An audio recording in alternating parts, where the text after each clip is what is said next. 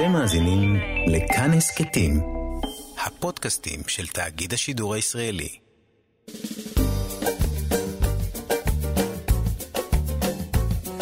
שישים החדש, עם איציק יושע.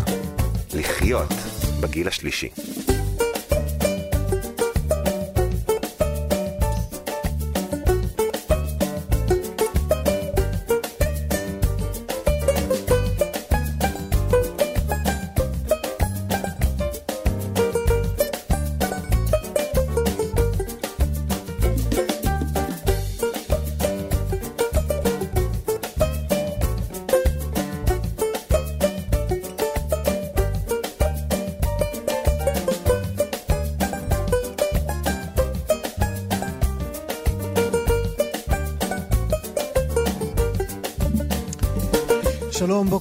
שבוע טוב לכם, מאזינות ומאזיני כאן תרבות. אנחנו בפתיחתו של שבוע חדש ובעוד אה, תוכנית של שישי מחדש.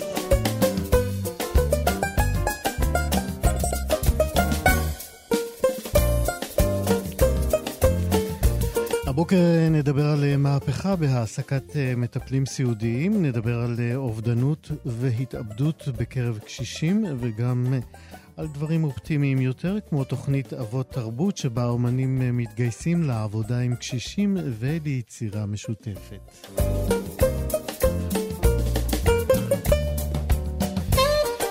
ועם ההקלות אה, בסגר אנחנו מגלים שגם לחזור לשגרה זה עניין שצריך לתת עליו את הדעת, ואנחנו ניתן עליו את הדעת. כל אלה ביחד עם אה, מוסיקה ישראלית אה, ותיקה יהיו איתנו בתוכנית. בצוות הבוקר איתי סופרין בהפקה, דרור רוטשטיין הוא טכנאי השידור. אני איציק יושע איתכם עד 12.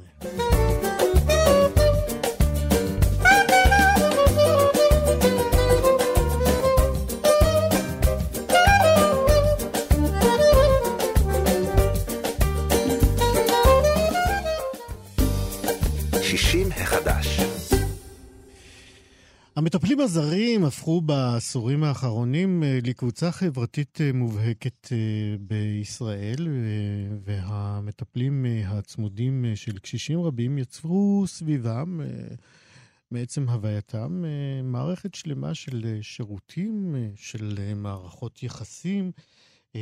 נוצרו דינמיקות ופולקלור במפגשים בין התרבויות של המטפלים הרבים. השירותים האלה, אתם יודעים, גם מגלגלים כסף גדול ורב, וגם מגלגלים כאבי ראש לא קטנים למי ש... בא במגע עם ההוויה הזאת. היי סבתא, הוא שירות חדש שבא לחולל בעצם אה, סוג של מהפכה או שינוי אה, עמוק אה, באופן העסקתם של המטפלים האלה. והשירות הזה בעיקר מציע לדלג על התיווך של חברות הסיעוד ולעבור להעסקה ישירה.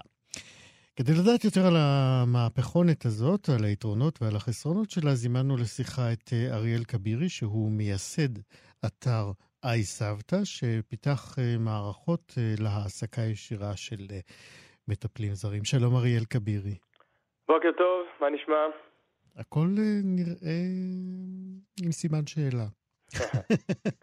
לגמרי. אמ, תגיד, למה איי סבתא ולא איי סבא? איי סבתא, קודם כל האיי כמו האייפון, סבתא בגלל הסבתא הפרטית שלי. שהיא הייתה המחוללת של כל האירוע. כן, לגמרי. אה, במשך 13 אה, שנה החלפתי עבורה יותר אה, מ-100 מטפלות זרות. כמה? יותר מ-100. לסבתא אחת? מספר אמיתי, כן. היו כאלה שהגיעו בבוקר והלכו אחרי צהריים, היו כאלה שנשארו את הסוף שבוע, והיו כאלה שהיו ממש מלאכיות והצליחו להישאר איתנו שלושה חודשים.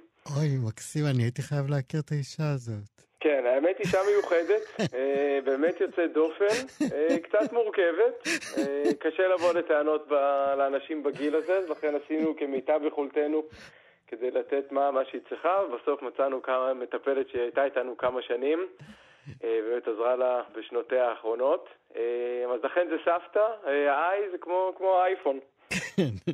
אוקיי, אחרי שצחקנו מספיק, האמת שקשה לי להשתחרר מהמטפלות. אוקיי, תגיד, למה אנשים בעצם אה, חוששים מהעסקה ישירה של המטפלים האלה ונעזרים אה, באותן חברות סיעוד שהן בעצם חברות תיווך של מטפלים? קודם כל, כדאי לחדד את ההבדלים בין השירותים השונים שקיימים בשוק. שירות אחד הוא איתור של המטפלים, וזה בדרך כלל באחריות התאגידים. אה, האתר שלנו נותן את השירות הזה כבר במשך אה, אה, העשר שנים האחרונות, והכוונה לאיתור מטפלים באופן ישיר, יצירת קשר בלתי אמצעי בעזרת לוח הדרושים שנמצא אצלנו באתר. השירות החדש שהתווסף בשנה האחרונה כולל את קבלת גמלת הסיעוד שלה זכאים מטופלים רבים ברחבי הארץ באופן ישיר לחשבון הבנק.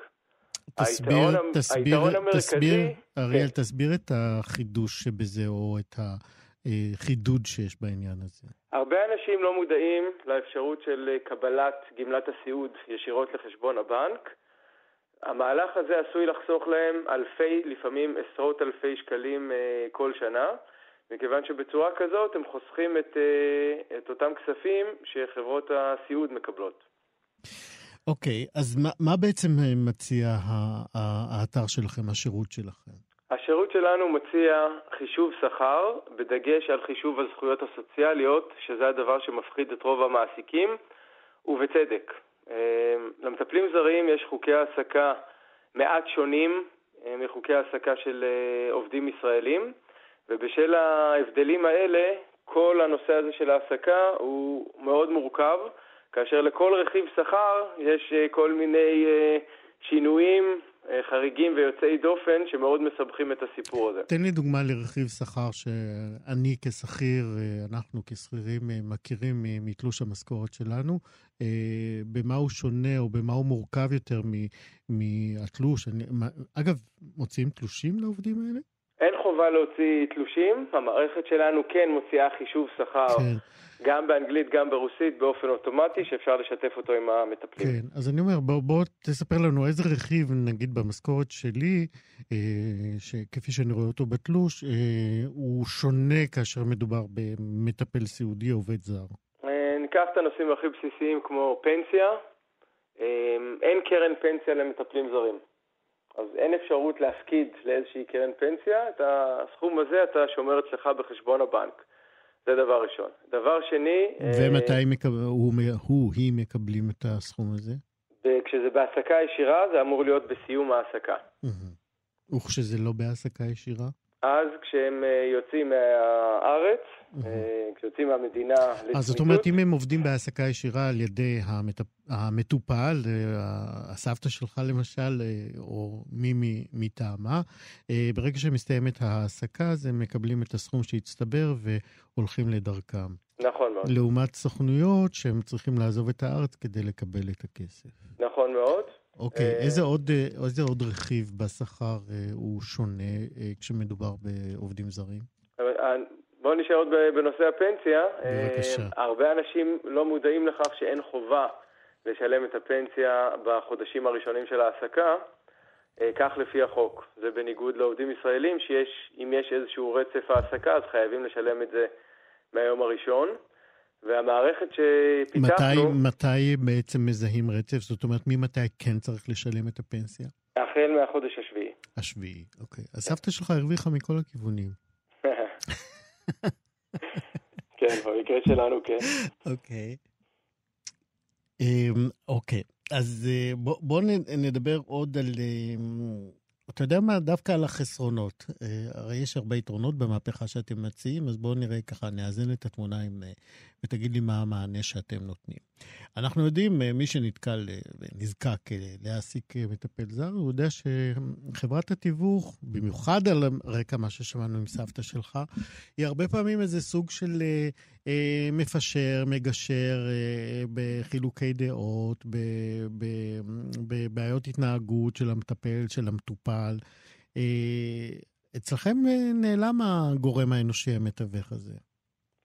הנושא הזה בדרך כלל נמצא באחריות של התאגידים, שזה הגוף השני שנמצא בתחום. התאגידים של העובדים הזרים, התפקיד שלהם הוא לוודא את אה, חוקיות ההעסקה לדוגמה, ובאמת אה, להיכנס בתווך שבין המשפחה לבין המטפל כשיש אה, איזה שהן בעיות. לפי החוק חייבים להיות רשומים באיזשהו תאגיד לעובדים זרים.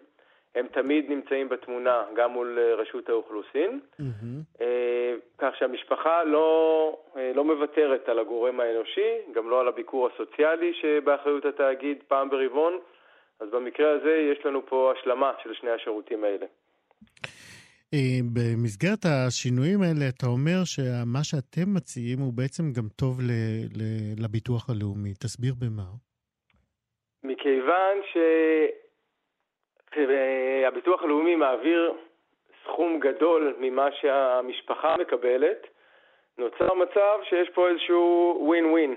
אה, גם הביטוח הלאומי יכול לחסוך בכספים שמועברים לחברת הסיעוד, וגם המשפחות יכולות אה, לקבל יותר ממה שהן אה, מקבלות בהעסקה דרך חברת סיעוד. אז בצורה כזאת שני הצדדים חוסכים ושני הצדדים נהנים. הבנתי, ובשירות שלכם בעצם גם יש איזה סוג של מגע אנושי, זה לא רק שנכנסים לאתר, ממלאים טבלאות וחישובים, ואתם נותנים גם איזשהו ליווי אישי, נכון?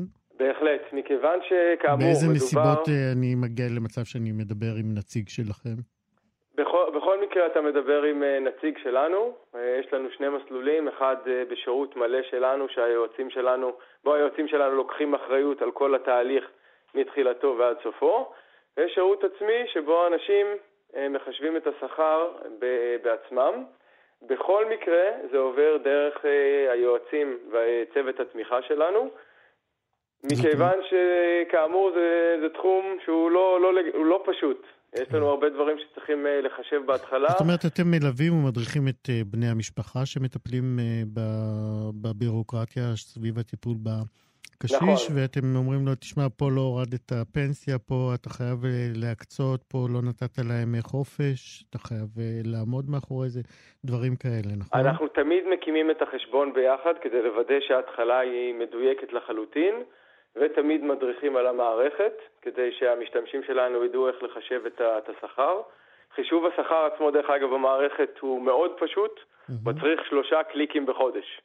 עם זה באמת כל אה, סוג של משתמש יכול אה, להתמודד בכל רמה טכנולוגית, וגם במהלך ההעסקה הרציף תמיד יכולים לפנות אלינו במייל או בטלפון ויקבלו את התשובות הנדרשות. יפה, אריאל, זה, בוא נגיד גם שזה שירות, אה, ככל שהוא סבבה, הוא עולה כסף, אה, נכון. אבל אה, אתם תוכלו למצוא את זה ב-i סבתא. אריאל כבירי, אתה מייסד i סבתא, והאתר שפיתח את המערכת הזאת להעסקה ישירה של מטפלים סיעודיים זרים. תודה רבה על השיחה הזאת. תודה, אייטק. להתראות. ביי ביי.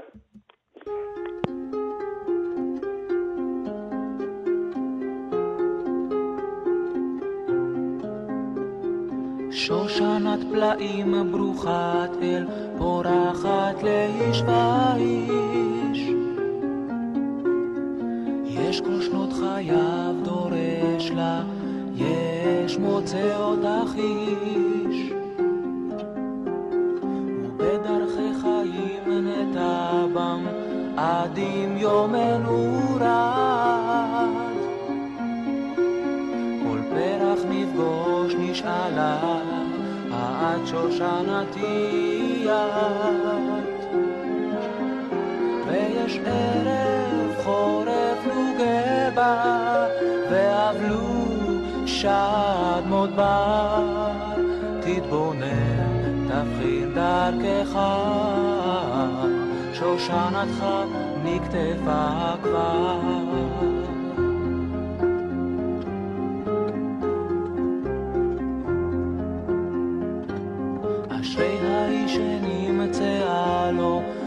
בשעתו כתב זאת, ואוי לו לאיש לא הכיר בה בדרכי חייו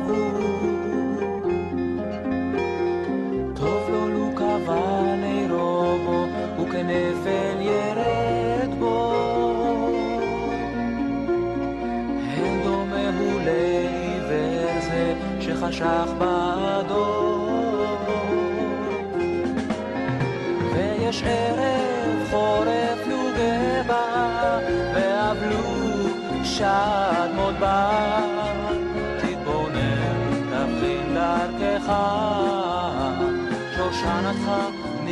נקטפה כבר. שד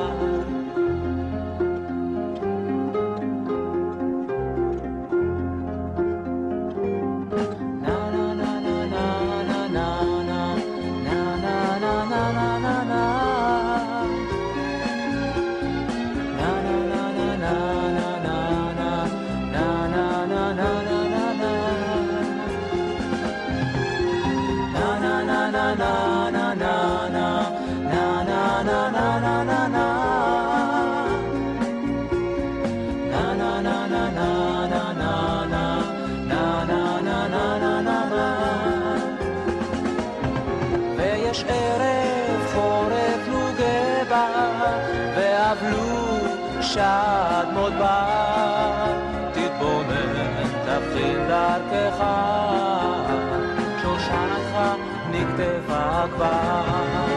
ויש ערב חורף נוגבה, ואבלו שד מאוד בר, תתבונן, תבחין דרכך, שושנתך נקטפה כבר.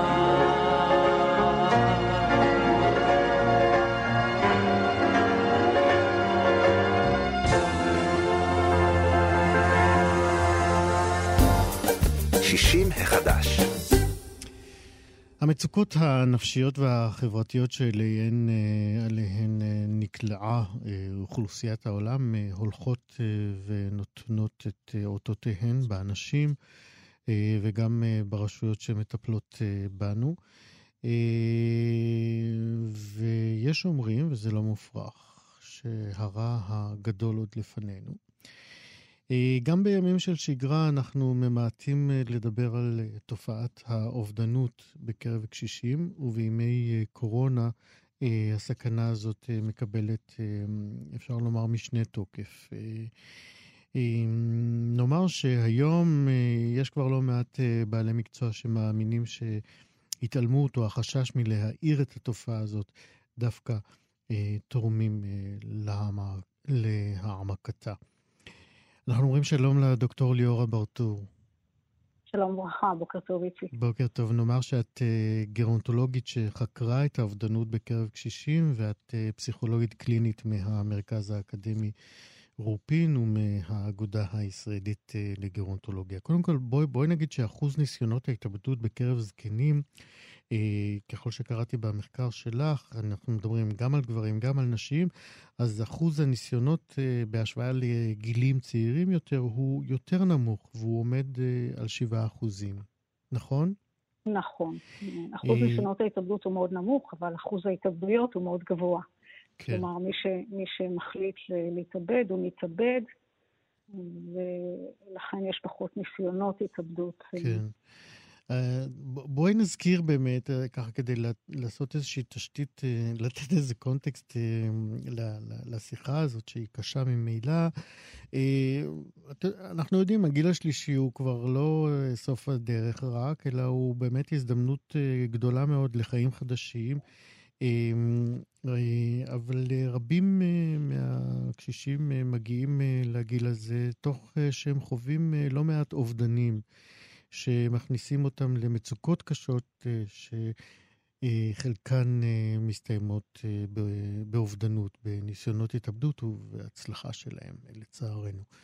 על איזה סוגים של אובדנים אנחנו מדברים? אובדנים שככה מצטברים לכדי מצוקה קריטית. קודם כל, אתה יודע, הזדקנות היא בכלל תקופה שבה מתמודדים עם הרבה מאוד אובדנים, חלקם לא צפויים, כאלה שמתרחשים בגיל מבוגר. ובנוסף להצטברות של אובדנים אה, לאורך כל אה, תקופות החיים השונות. אה, כשאנחנו מגיעים לגיל הזקנה, עם הירידה בבריאות הפיזית, עם צמצום המשאבים, עם הצמצום בקשרים החברתיים, בתפקידים החברתיים, יציאה ממעגל העבודה, אלמנות, כל אלה הם גורמי לחץ מאוד גדולים שבסך הכל רוב האוכלוסייה מתמודדת איתה די טוב, ואתה יודע ששביעות הרצון בגיל המבוגר היא אינה שונה משביעות הרצון בגילאים הצעירים. כך שבסך הכל יש... צריך להזכיר את זה. זה מאוד חשוב לציין את זה. כן. זאת אומרת שבסך הכל מרבית האוכלוסייה מתמודדת אה, לא רע בכלל עם כל הלחצים אה, שהיא חווה בתקופה הזאת של הגיל המבוגר. ולהפך, יש גם אנשים שזו תקופה אה, של עדנה, של יותר שקט, יש יותר זמן לעצמם, אפילו להתפתחות אישית, יותר הידוק הקשרים המשפחתיים והקשרים החברתיים. כן. אבל ישנה אוכלוסייה שהיא אוכלוסייה בסיכון. אוכלוסייה שהיא בסיכון היא בעיקר אוכלוסייה שסובלת ממצב בריאות ירוד, ריבוי של, של מחלות.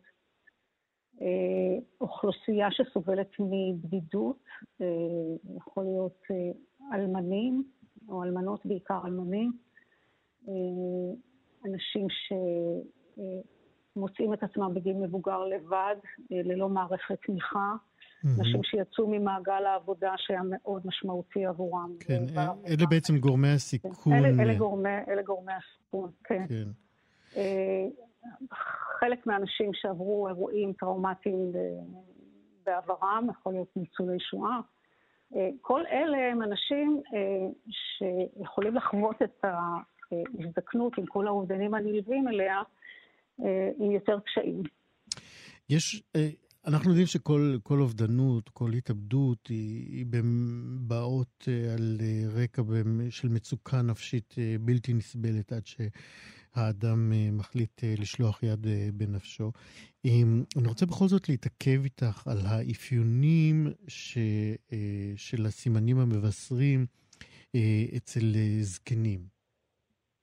מעבר למה שמנית עד עכשיו, האם יש כן. אה, אה, סימנים מסוימים נוספים שכדאי לשים לב אליהם?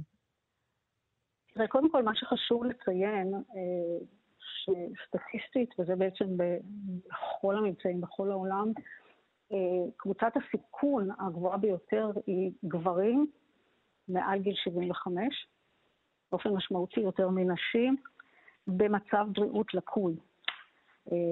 כלומר, אנשים הם גברים שיש אצלהם ירידה משמעותית בבריאות. הם לא בהכרח מדווחים על מצוקות רגשיות, אבל הם כן אה, סובלים מאוד, בעיקר מהיעדר העצמאות. זאת אומרת, האחוז, ה... אחוז המתאבדים בגלל אה, סיבות בריאותיות בקרב גברים הוא גבוה יותר? הוא גבוה באופן משמעותי. מאשר אצל נשים. הרבה יותר גבוה מאשר אצל נשים. הם הרבה פחות מדווחים על מצוקה רגשית. יש מחקרים מעניינים שנעשו, אה, שמצאו שגברים ביקרו אצל רופא משפחה ביום שבו התאבדו, או בשבוע שבו הם התאבדו, או בחודש שבו הם התאבדו. כלומר, הם היו עם בעיות בריאות, הם פנו לקבל אה, איזשהו סיוע, אבל סיוע היה אה, בתחום הרפואי ולא בתחום הרגשי. הם גברים באופן טבעי פחות מדברים אה, פחות משתפים, פחות חולקים אה, עם אחרים את המצוקות הרגשיות אה, שלהם. אולי בנקודה הזאת אנחנו נשאל, האם באמת התאבדות, כל התאבדות בזקנה, היא תוצאה של דיכאון, או שיש אלמנט של הפרעה נפשית? קודם כל, אנחנו יודעים שלחלק גדול מהגברים או אנשים שמתאבדים יש רקע מסוים פסיכיאטרי, אבל אה, בהחלט יכול להיות אה, דיכאון, אה, חרדות, אה, בדידות, אה, קשיים רגשיים כאלה ואחרים, אבל ישנם גם לא מעט מקרים שבהם מדובר באנשים, גברים בעיקר, כן. שהיו ברמת תפקוד מצוינת יש... במשך הרבה מאוד שנים, ובזקנתם בעקבות אה, אה, ירידה משמעותית בבריאות, יכול להיות לפעמים גם עקב איזשהו משבר כלכלי. כן. אה, דוקטור ליאורה ברטור, אני רוצה לשאול אותך, אנחנו מתקרבים קצת לסיום, אה, האם יש הבדלים באופן שבו... בין גברים לנשים באופן שבו הם בוחרים לשים קץ לחייהם? כן, זאת אומרת, התאבדות אצל גברים היא בדרך כלל התאבדות אלימה, אה, בעיקר תלייה, אה, וגם קפיצה. אה, מבניין גבוה. כן, כן, מבניין גבוה. וירייה, זאת אומרת שימוש בנשק חם. במידה ויש להם נשק חם. יש להם גישה. ובמובן כן. הזה באמת, ברגע שיש החלטה, גם אם ההחלטה היא החלטה שקיבלו לאורך זמן, או גם אם ההחלטה היא אימפולסיבית או ספונטנית, אה, וזה סוג ההתאבדות הנבחר, אז אה, בדרך כלל זה, זה. לקראת סיום, אה, בואי ננסה בכל זאת להיות יעילים, אם אפשר, בתחום הזה. מה הם אה, דרכי המניעה שעומדות לרשותנו כשכנים, כבני משפחה, כמטפלים, כנותני שירותים אחרים? קודם כל, אני חושבת שחייבת להיות אה, יותר מודעות בציבור אה, לגורמי הדיכ- הדיכאון ולפוטנציאל האובדני שיכול להיות אה, בקרב האוכלוסייה המבוגרת. חשוב, חשוב לשים את הדעת בעיקר על גברים מבוגרים שנמצאים בבריאות לקויה, שמתלוננים, שהם מהווים עול ומטרד לבני המשפחה שלהם, שמדברים על מוות, יש גם כאלה שלא מדברים, אבל בוודאי אלה שמדברים על מוות, אה, שמדברים על, על זה שאין טעם להמשך החיים שלהם ועדיף לסיים אותם. אה, אל כל האנשים האלה כדאי אה, לפנות וקודם כל להיות בקשר עד כמה שאפשר הדוק, להציע לקבל תמיכה נפשית, לנסות בכל דרך אפשרית לתת לאנשים האלה תקווה. כן. אה, ולתת להם את התחושה שלמרות המצב הקשה שלהם, הם לא מהווים עול, והם. חשובים לבני המשפחה. ויש איך לעזור להם. וחשוב אה, מאוד לנסות לעזור להם, כמובן. כן, אמרתי בתחילת אה, דבריי שיש סוג של מחלוקת אה, האם כדאי לדבר או צריך לדבר על התופעה הזאת, ומכיוון שאת ואני כן מדברים על זה, זה אומר שאת אה, אומרת שכן צריך לדבר על זה, זה לא יכול לגרום להתגברות להפך. בהחלט, להפך, אני חושבת כן. שדווקא בגלל זה שחלק מאוד גדול, בעיקר בגיל המבוגר, לא מדבר על הקשיים שלו, אה, צריך עד כמה שאפשר לנרמל. לא, לא רק הם, אני מתכוון שאנחנו נדבר על התופעה, שנדע שהיא כן. קיימת, על עצם כן. קיומה. כן. כן, כן, בהחלט, בעיקר גם כדי לסייע לבני המשפחה אה, לזהות סימני מצוקה. כן. אצל אנשים שמאבדים עניין, שמצטמצמים, אה, שיש איזושהי תחושה. כן. שסובלים מאוד, למרות שהם לא מדברים על זה באופן ישיר, כל האנשים האלה, כמובן להציע עזרה. הדוקטור ליאורה ברטור, אה, גרונטולוגית, פסיכולוגית קלינית מהמרכז האקדמי רופין ומהאגודה הישראלית לגרונטולוגיה, תודה שהארת לנו את התופעה הכואבת הזאת, אבל שחייבים לתת לה התייחסות. תודה רבה. כן, תודה רבה לך, להתראות. איציק. ביי ביי.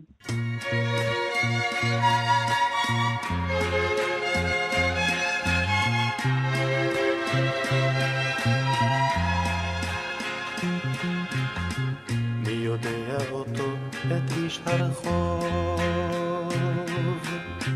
הפוסע אדומן בין המון בני אדם, מעיף מבטים לימין ולשמאל, לחפש לו מוצא, אך איננו יכול. הוא מעיף לו מבט, הוא פוגש בידיד, שקרב לקראתו מקרן זווית.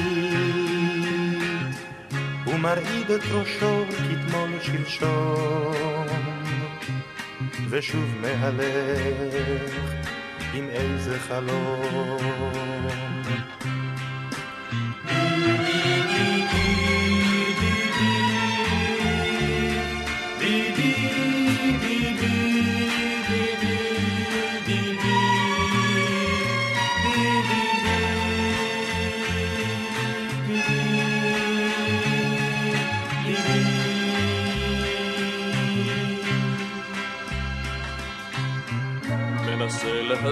בשפה לא ברורה למה כן, למה לא, אם בכלל זה היה? ההמון מתפזר, הזמן שעת חצות והאיש הוא בודד, משוטט בחוצות. בחדר מדרגות מחכה למחר. שלפיו הסיגר שמזמן כבר נגמר שוב מעיף מבטים לימין ולשמאל, לחפש לו מוצא, אך איננו יכול.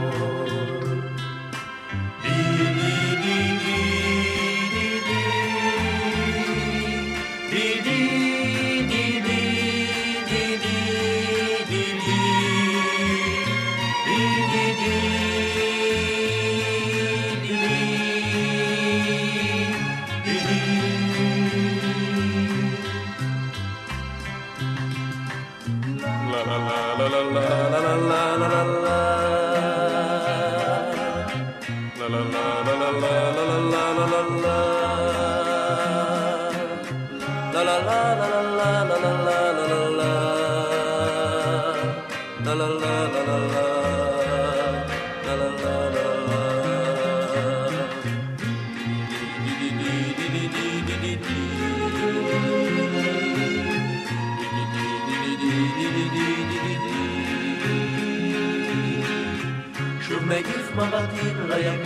ולשמאל, לחפש לו מוצא, אף אינני יכול.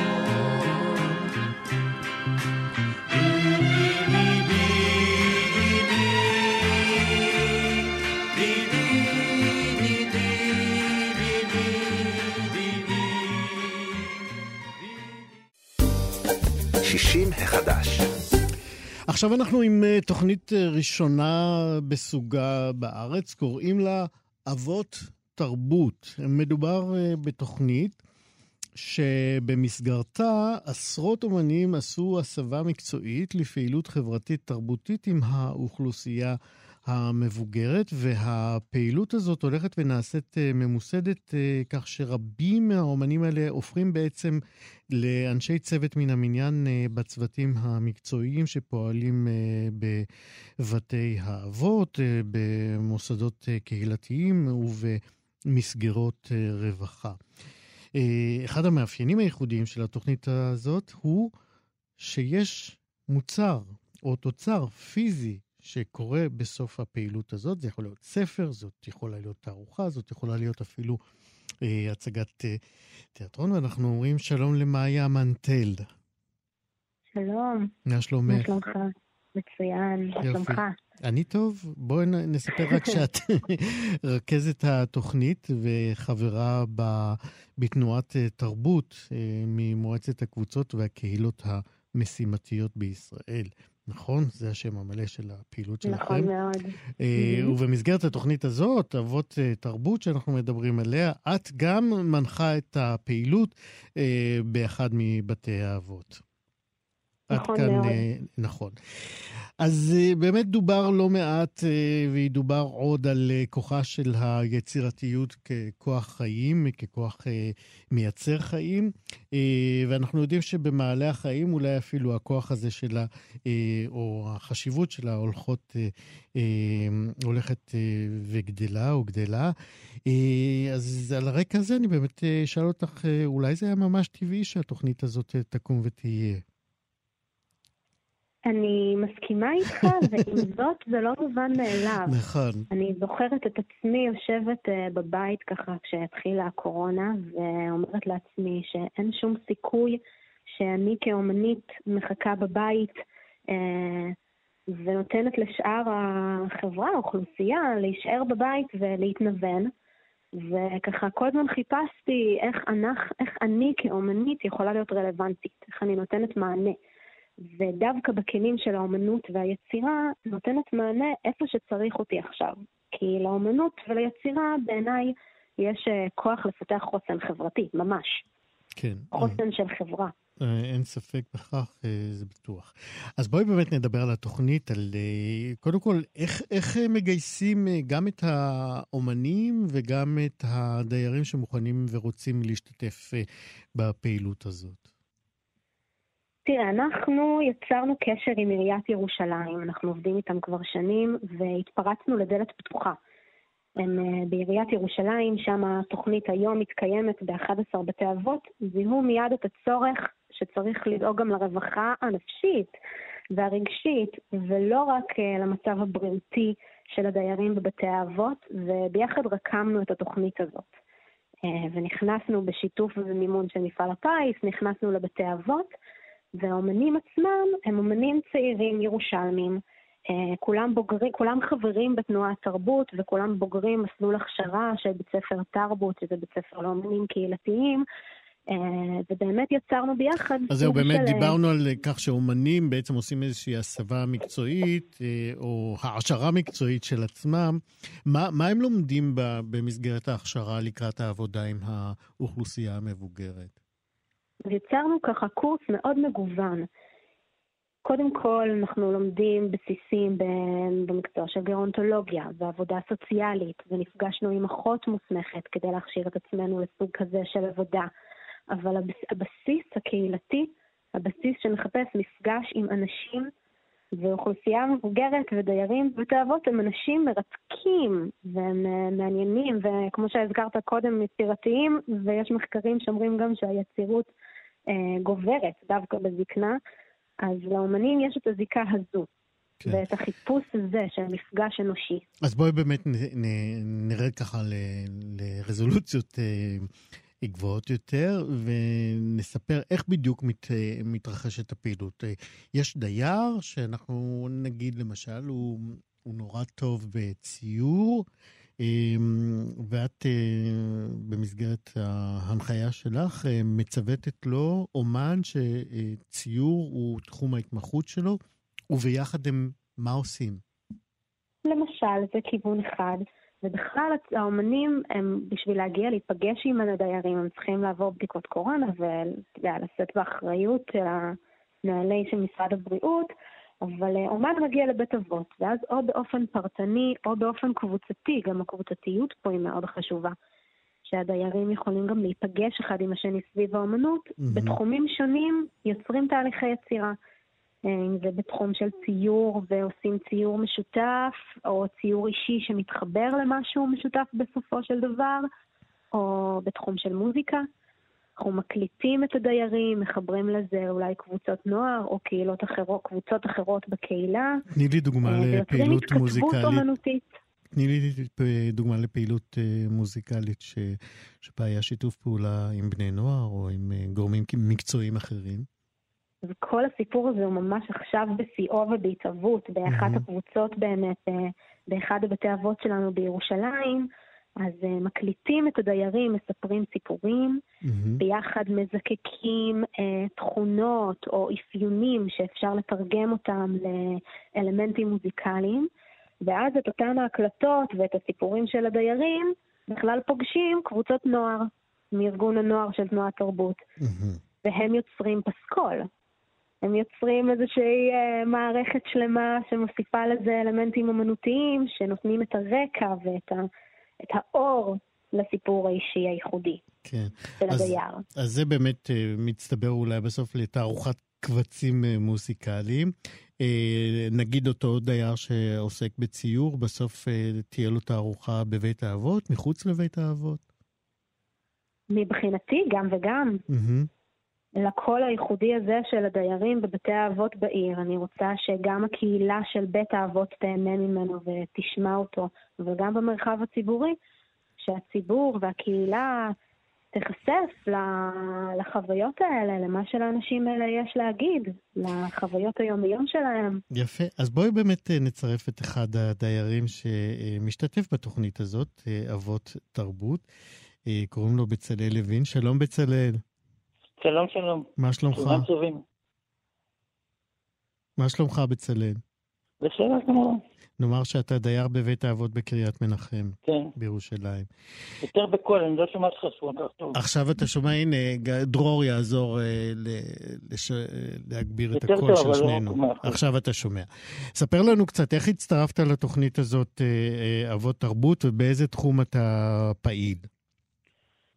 בתיה, שמטפלת בחלק התרבותי של המוסד, אמרה שיהיה סדנה של תיאטרון ושל מוזיקה. תיאטרון מפעילה מאיה, והמוזיקה עדן. במה אתה בחרת? זה מטעם עיריית ירושלים. באיזה, מה אתה בחרת, מוזיקה או תיאטרון? מה?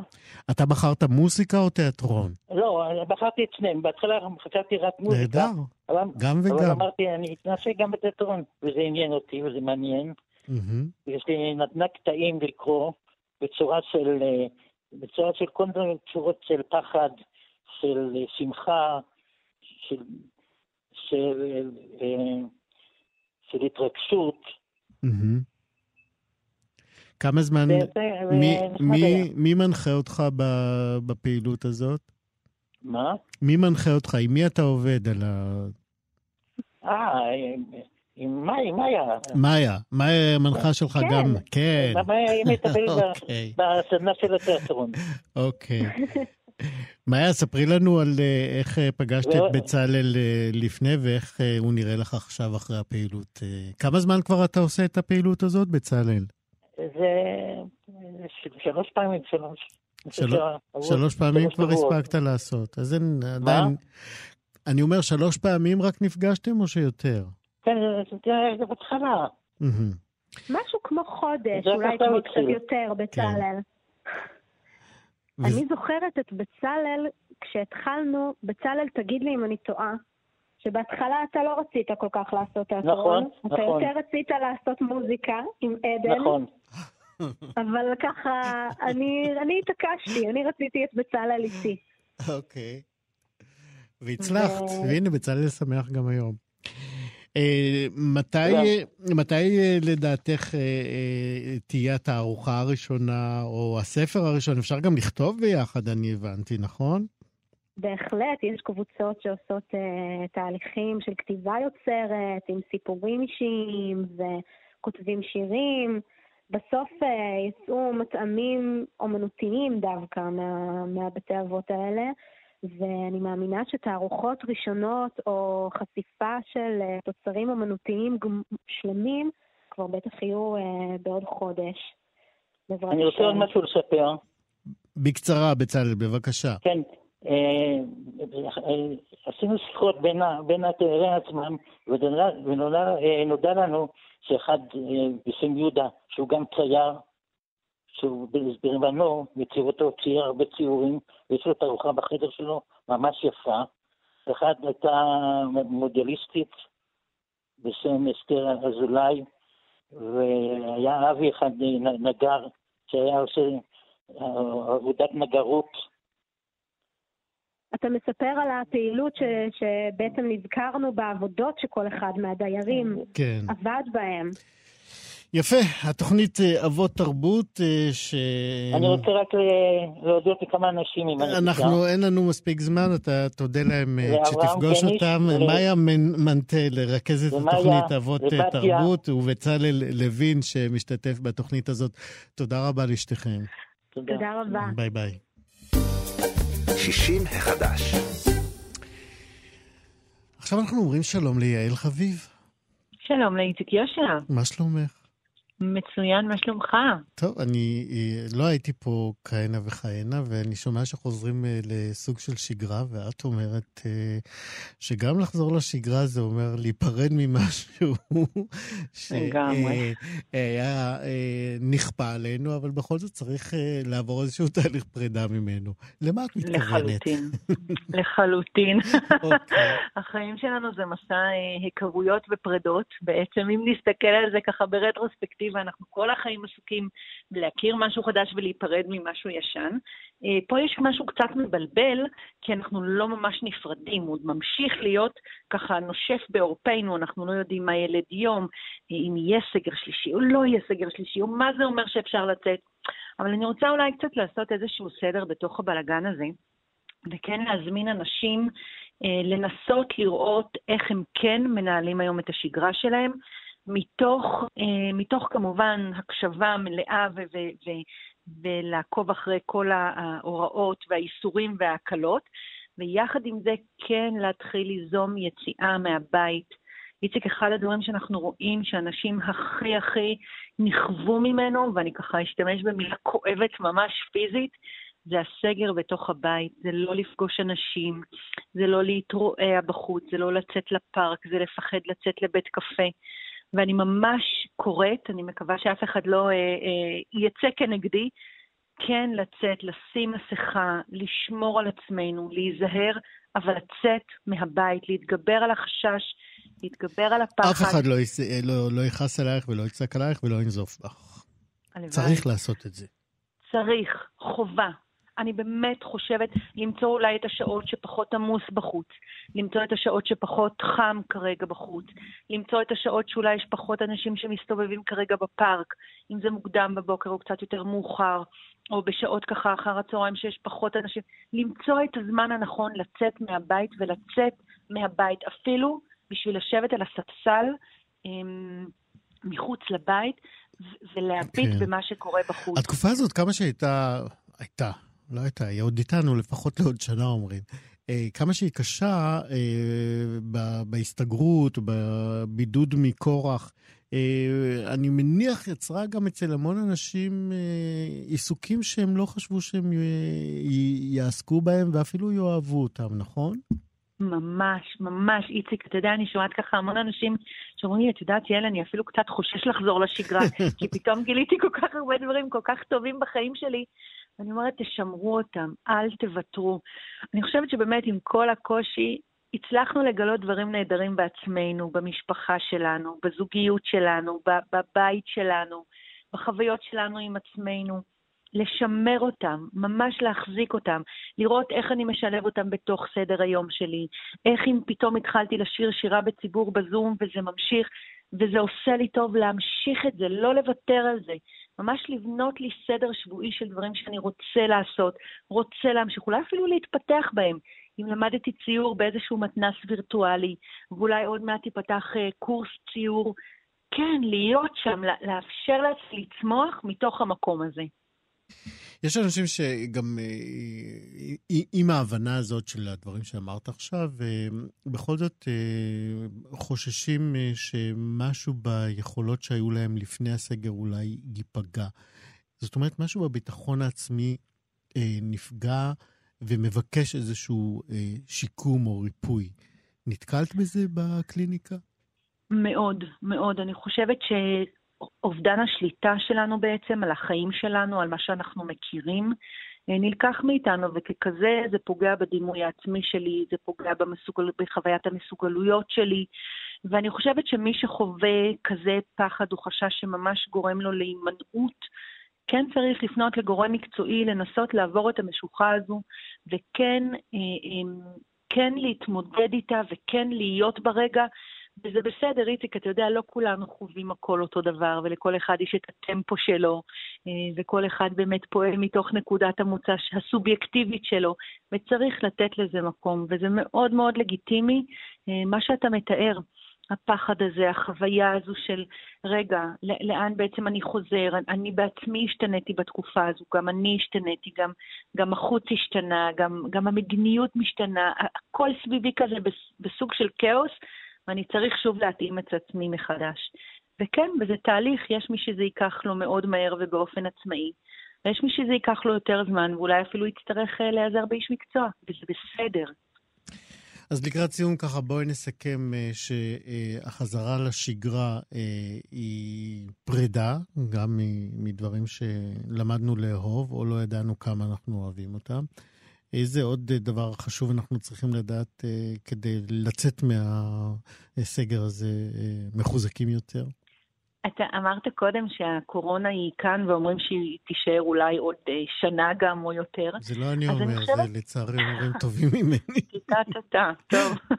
אנחנו בוחרים מה לצטט, איציק. ברור. אבל, אבל אני חושבת שבאמת אנחנו צריכים לבנות את השגרה שלנו לא כאילו משהו היה ונגמר, אלא משהו שהוא מתמשך, איזושהי שגרה שהיא פה, הקורונה פה, החיים עם הקורונה פה, מאוד יכול להיות שיהיה עוד דברים או עוד סבבים או עוד אירועים שאנחנו לא מצפים להם או חוששים מהם, ויחד עם זה לבנות את העולם המקביל שלנו, של הדברים שאנחנו אוהבים ורוצים. זאת אומרת, לא להיכנע למקרה של מה אם, של ה-what if, אם שוב יצא, אם שוב יתחיל, אם שוב נחלה, אלא לחיות את החיים מתוך אני חי עכשיו, ואולי אה, יום ילד איזושהי ידיעה, ואני אדע ויהיו לי את הכוחות ואת המסוגלויות להתמודד איתן. איזה משפט סיום נהדר. יעל חביב, נכון. תודה רבה.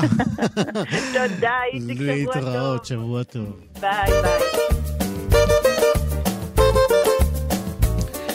זהו, כאן אנחנו מסיימים את שישי מחדש של יום ראשון. תודה רבה מאוד לצוות איתי סופרין בהפקה, דרור רוטשטיין, טכנאי השידור. אחרינו, מה שכרוך, מאיה סלע, יובל אביבי, גם ילנה גולדנברג. אני איציק יושע, נתראה כאן מחר. להתראות.